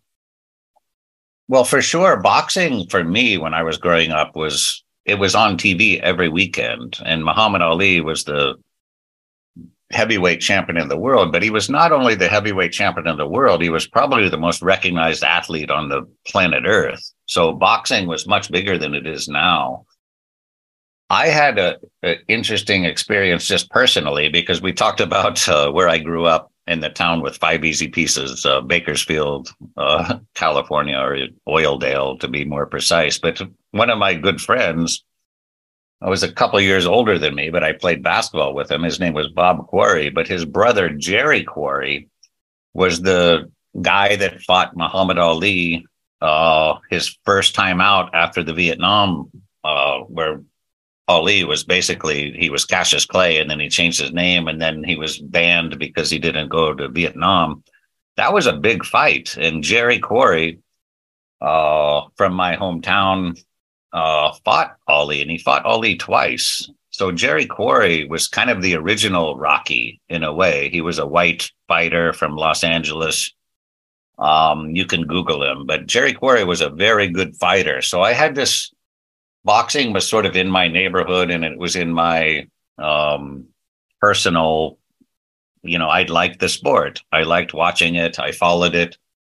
And I think that's what makes boxing so good for drama in that there's danger in it. You know, if you're a boxer, my friend that trained me once, he told me that boxing is kind of funny because you wake up in the morning and it's not like any other sport like tennis or golf or soccer, football. Um, you know that at the end of that day, you're going to be in a car accident and you're going to get pain inflicted on you. You just don't know how bad it's going to be. and, and that's what makes boxing kind of dramatic. And I think that's why it makes it uh, such a good uh, canvas for things like literature, like uh, Jack London wrote a book called, or a short story called A Piece of Steak about an aging boxer. I mentioned Rod Serling with Requiem for a Heavyweight, Body and Soul uh, was a famous film with John Garfield, I think. Um, boxing is a is a sport that has all sorts of things like Shakespeare that makes life interesting. Um, there's danger, there's risk, there's um, kind of the glamour because it was associated with the mobsters, the then the mob, and we can get into that. I know that one of your your questions was about the mob, but it, it's just an interesting sport. There's not a lot of films about tennis players, you know, and but there's lots of films about boxing, and I think that that get gets to your point. Mm-hmm. Yeah. And uh, if if if if you look at the at the, at the contender uh, and the, at the, at the boxing match, uh, you you see a certain style of uh, of fighting, and um, Jake LaMotta was famous for his fierce and uh, brutal uh, style. Um, yeah. And uh, can you can you tell us a little bit about that? How how how does a fighter like develop his style does it in this case does it mirror where he grew up i mean the, this whole sort of bronx very tough childhood. Like yeah. what what do you think of, of fighters like that who who you know who behave like that on the ring? Are, are they fun to watch or or is it almost like like like watching a car crash a little bit? Like like there's well it is like watching a car crash but one thing about boxing is people don't want to watch boring fights you know? It's it's uh, boring fights a lot of amateur fighters you know in the olympics they're sort of boring fights because they go three rounds and it's more like fencing they're they you know the it's it's about scoring and technic you know technical punches and things like this but you know really in the 1940s when Jake LaMotta was fighting Sugar Ray Robinson, people wanted to see blood. I mean, let's face it, we're kind of a gladiator culture. We we like to deny it, but uh, there's something about the sport that people want to see combat, and that's what they pay to see. And Jake LaMotta had that. He was called the Bronx Bull or the Raging Bull, and um, he had a style where you know, and this is part of the sport if Jake LaMotta lost a fight, that was going to be an interesting fight because he was going to go he was going to go down swinging and i think that's the legacy of these five fights with sugar ray robinson is that they were battles they were wars and if they say that boxing is a is a sport about styles sugar ray robinson was probably the greatest what they say pound for pound pound for pound boxer that ever lived you know he was really a great fighter but Jake LaMotta was his complete opposite. Jake LaMotta was a brawler. He learned how to fight in prison. Um, and he was just kind of, you know, you could see it in the film with De Niro. He says, Hey, they're calling me an animal. I'm not an animal, but in a way, he kind of was, you know, like in, in as opposed to Sugar Ray Robinson, who was sort of this elegant dancer um, Jake LaMotta was a brawler. He was, uh, you know, and he he wouldn't go down. And I think there's a, even a, a line in the the movie where he says, "Yeah, Ray, you did, you, yeah, but you didn't knock me down." You know, like he has this this this pride in that he survived. You know, and and I think Jake LaMotta was kind of a strange guy. Um, let's face it, there's not a lot of normal people that want to go into this line of work where you you have to get beat up or you beat somebody up. It's it's a very specific sport, um, and it's a very difficult sport. Um, and you have to be a little bit crazy to do it. Did did boxing change since that time? I mean, is it milder today? For sure, as you punishing, know, as punishing. Yeah, you know, if you watch this uh, this fight with Sugar Ray Robinson, the, the famous Saint Valentine's massacre, they would never let that fight go. Now, I mean, um, Jake Why? LaMotta, Why? people want, you know, people were paying a lot of money. It was a blue collar sport you know, the mob was involved. I mean, we can get into on the waterfront because that's kind of obviously related to this this film. But people, it was a spectator sport, and people wanted to see blood, and that's how we are as human beings. You know, people were paying to see a brawl.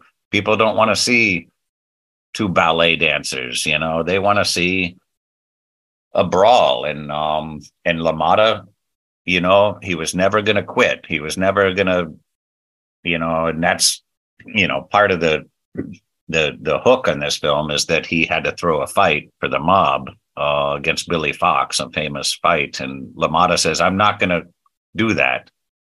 And his brother Joe Pesci is saying, Hey, why, what's so hard about throwing a fight? You throw a fight, then you get a bigger payday. You you you get a fight, but you have to throw a fight. You have to be dishonest. And I think one of the the things about Raging Bull is that Jake LaMotta said, "I didn't want to throw a fight uh, to fake like you lost a fight," you know, and um, and that's how the mob worked because they were betting on this. Boxing was a betting sport, like horse racing, um, or another film that you maybe you know eight men out, you know, about you know, gambling and sports. It was mob controlled. And Jake LaMotta was too proud to do it. And, you know, you can see these old interviews with Jake LaMotta when he's an older man. He says, It wasn't that I didn't want to do it. I was just too stupid. I was the one that was too stupid to uh, not pay attention to the mob, you know. So he was, you know, this is a real event. You know, there are two guys that were associated with mob control of boxing. One of them was named Frankie Carbo, who was part of this Murder Inc. He's allegedly he was the guy that took out Bugsy Siegel. Uh, and he was a, you know, he was a hard guy from the Italian mafia at the time when popular culture didn't know it existed, or they kind of pretended like it didn't exist. And another guy named Blinky Palermo, controlled boxers. And what that meant was that they controlled the results of these boxing matches. And if they controlled that, they controlled who got to fight in Madison Square Garden in New York, who got on television, and everything. And and and on the waterfront, probably the best boxing movie ever that wasn't about boxing. Marlon Brando, you know, in that famous line, he says, I could have been somebody. It was not my night, Charlie. You know, you know, you were my brother. You should have protected me. And I think Jake LaMotta, there's a reason that that Scorsese has Jake LaMotta doing that line at the end of the film.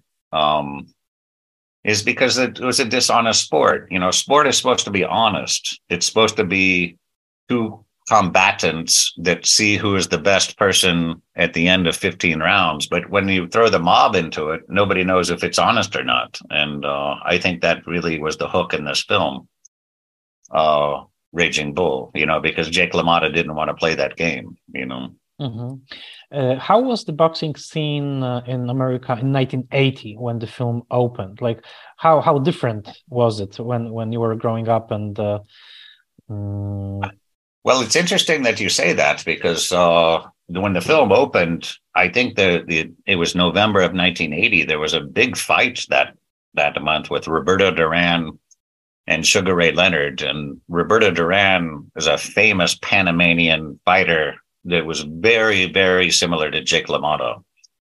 And he quit in the eighth round against Sugar Ray Leonard, and and people were talking about you know, the machismo and everything. He didn't want to fight, you know, Sugar Ray Leonard, who was kind of like Sugar Ray Robinson in a way. But I think in 1980, uh, the month that uh, Raging Bull came out, Muhammad Ali fought Larry Holmes, and that was his really his last fight. And I remember watching that fight, and it was hard for me to see Muhammad Ali, who was the hero of the 60s and uh, the early 70s, as this elegant, prize fighter getting beat up by Larry Holmes. Um, I think ESPN even has a documentary about it. But boxing is a is a it's a sport that you know you you can't do it forever. And I think some of the best drama dramatic um, literature or films about boxers are when they get old You know, that's that's the Rod Serling Requiem for a Heavyweight, and that's the Jack London A Piece of Steak. And it's hard to get old when you're a boxer because not only do you get old and lose, you lose and you get punished physically, and it's hard to watch that. Um, I think there's a reason that that one of the strengths of the Rocky movie was that that Adrian didn't want to see Rocky fight because she knew he was going to get beat up, and I know that personally. I know how it is to know somebody who's getting really beat up uh, when you know them personally, and it's hard to watch. And um, I, I, think I think uh, one, one really underappreciated film that, uh, to me at least, because I don't know this world, but uh, really you know captured this this sadness is uh, Fat City, the the film uh, I don't know if you saw it uh, with uh, Stacy Keach and, uh, and, and Jeff Bridges. Yeah, I haven't seen it, but uh, yeah, it's a John Huston film which uh, was based on this novel by uh, Le- Leonard Gardner, I think. Uh-huh. Yeah. And uh, and th- that shows sort of this um, very sort of everyday life of of those of those fighters. You know that there's it's hard lots of anxiety also you know about being beat up about losing about being a loser being a winner you know it's it's it's a heavy toll. It, it takes a heavy toll on on them.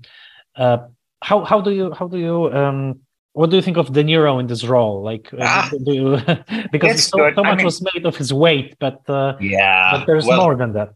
He won the Oscar, and I, I think we mentioned off off camera that it's hard to you know, he had about three roles there in a row: Travis Bickle in in Taxi Driver, and Jake LaMotta, and then Rupert Pupkin. It all kind of blended in together uh, in a way.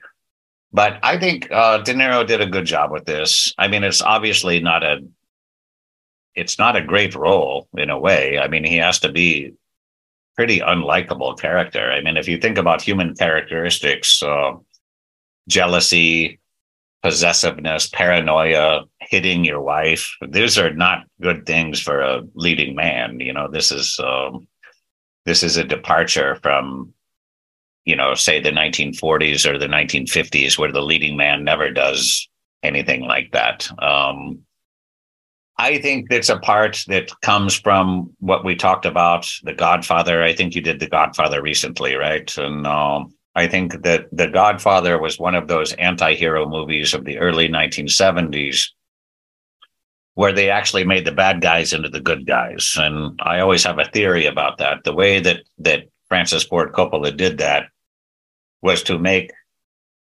the mafia, the Don Corleone, the Marlon Brando, uh, you know, Al Pacino uh, family, to make them the good guys, you just have to make a another family that's worse you know and and and it makes them into the good guys. And i think that's a little bit you know that encapsulates the 1970s mentality of the anti-hero as like in bonnie and clyde for example or or a dog day afternoon or any of these films that you i'm sure you've gone over is that that you have to make some sort of drama you know let's face it nobody wants to make movies about accountants so the mob, you know, going back to James Cagney is a great uh, plot for drama. The mafia, people that come to America, they can't speak English. They have no social support structure, so they have to fight on their own. And that's a great story. Criminals are interesting.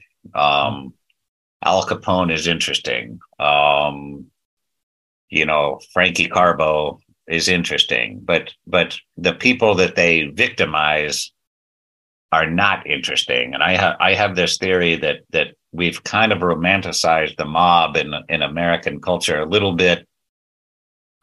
And I think you and I talked about this earlier, maybe 10 years ago, that there I had a British friend who was running tours in Nova Huta about communist nostalgia.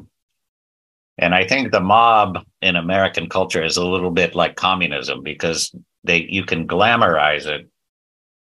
And the mob, if you look at somebody like Ray Liotta in, in Goodfellas, and you look at Henry Hill, the real guy, Henry Hill was a pretty bad guy, you know. Um, and I think the mob ran its organization on things like extortion, fear, threatening people's business, their family, and things like this. And it kind of reminds me a little bit, and it might be a stretch for you, but it kind of reminds me a little bit how communism worked under the Soviet Union. There was a lot of this extortion, subtle threats to your job, to your family if you didn't go with the accepted line.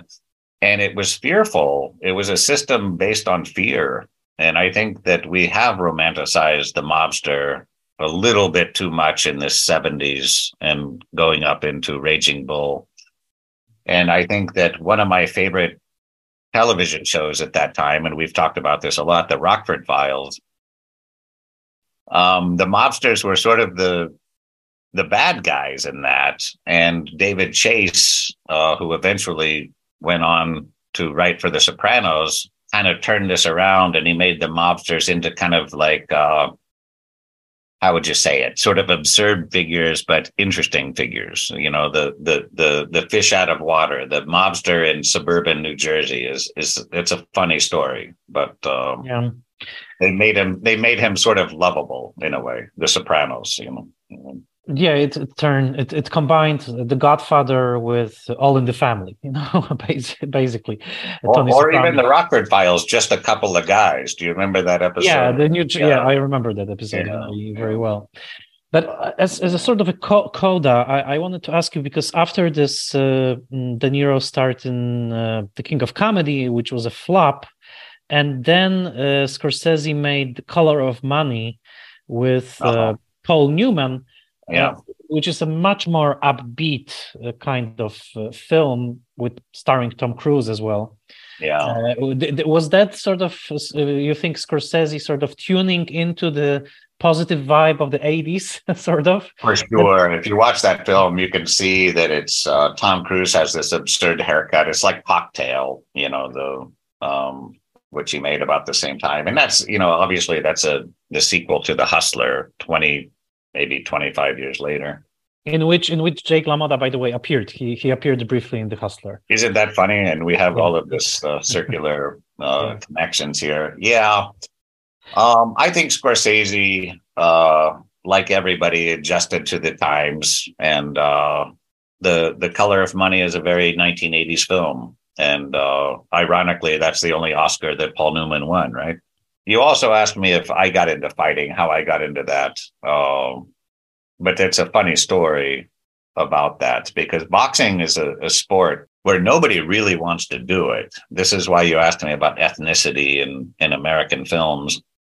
Part of the reason that people got into boxing was that they didn't have any other choice. You know, Jake LaMotta didn't have a choice. He was raised in poverty an Italian family in the Bronx. There's there's lots of stories about Irish boxers, Jewish boxers.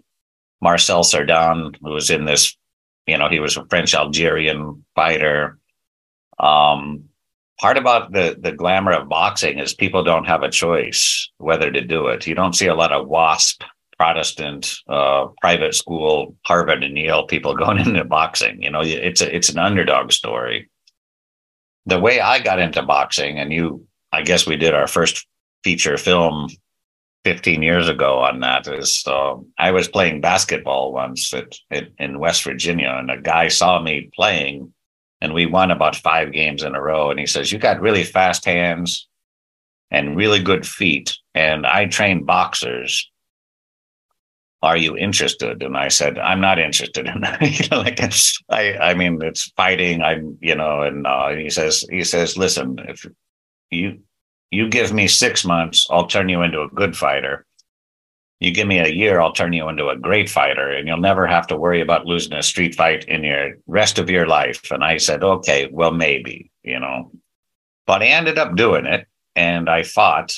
And uh, boxing is a sport like no other because uh, the workouts are interesting. It gets you into good shape but it's also some sort of spiritual or psychological obstacle that you overcome that you know that you'll never be in danger really because you can defend yourself um, i fought some fights and i lost some fights and i won some fights but uh, winning a fight is really an important feeling i mean it's you're you're by yourself. There's 5,000 people watching you. And if, if you win, it's really a good feeling. And if you lose, you know, you get embarrassed, but, you know, you come back and fight another day.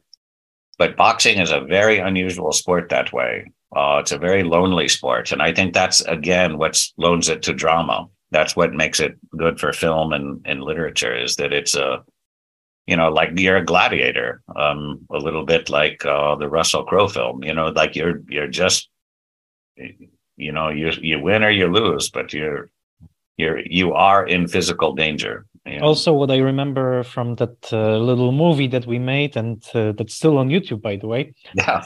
Um, yeah. I, I remember very distinctly that you told me back then that fighting um, allowed you to meet many people from many different walks of life. You met sure. people who whom you would probably never meet in sort of like academic, uh, you know, setting, and that that was very enriching for you because you saw all those stories and also adversities that that people had to overcome to um, to simply exist. Uh, I, I, will tell you a good story about that because I met the guy. He's a very interesting guy. Um, but he was the winner of the West Virginia Toughman com- competition. He's the only guy that won it as a lightweight and a heavyweight. So he's kind of a legend. So, and he, he was training his son for the Olympics, the Atlanta Olympics in 1996, back then, way back then.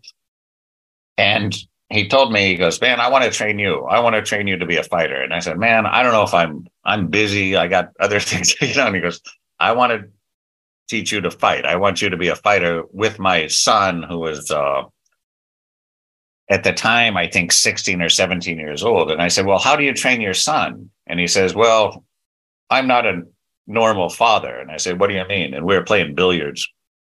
And he says, Well, I take my son up once a month to the maximum security prison in Pennsylvania, and he fights the prison team. And I was just a normal person. And I said, Don't, aren't you a little bit worried about taking your 16 year old son to fight up in a prison team in a maximum security prison up in Pennsylvania? And he says, He looks at me and he, he kind of says, Buddy, because uh, I didn't know him that well. And he goes, Buddy, you ought to be concerned about the prisoners because he hasn't lost a fight.